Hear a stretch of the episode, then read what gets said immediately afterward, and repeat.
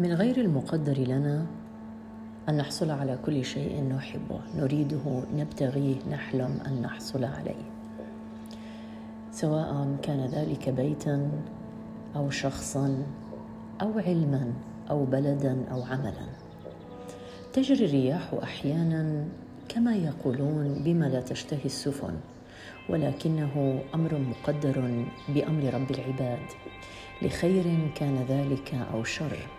فنحن نؤمن بالقضاء خيره وشره. ليس كل ما يبدو جميلا هو في الحقيقة جميل وليس كل ما يبدو بشعا قبيحا في كهنه ومتنه.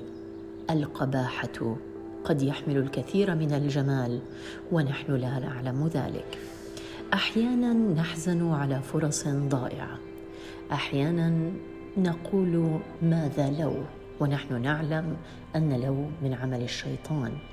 ولكن في نهاية المطاف بعد تجربة شخصية عشتها فيما يخص بشراء بيت أردته حلما ولكن للأسف لم يكن مقدرا لي لأنني قررت بأن لا أقوم بأي أمر قد يؤدي إلى أن يقض مضاجع سلامي أو نوعا ما يضع مبادئي على المحك اختر دائما أن تكون في حالة من السلام والتصالح مع نفسك وكذلك في حالة لا تضع مبادئك على المحك للامتحان والاختبار.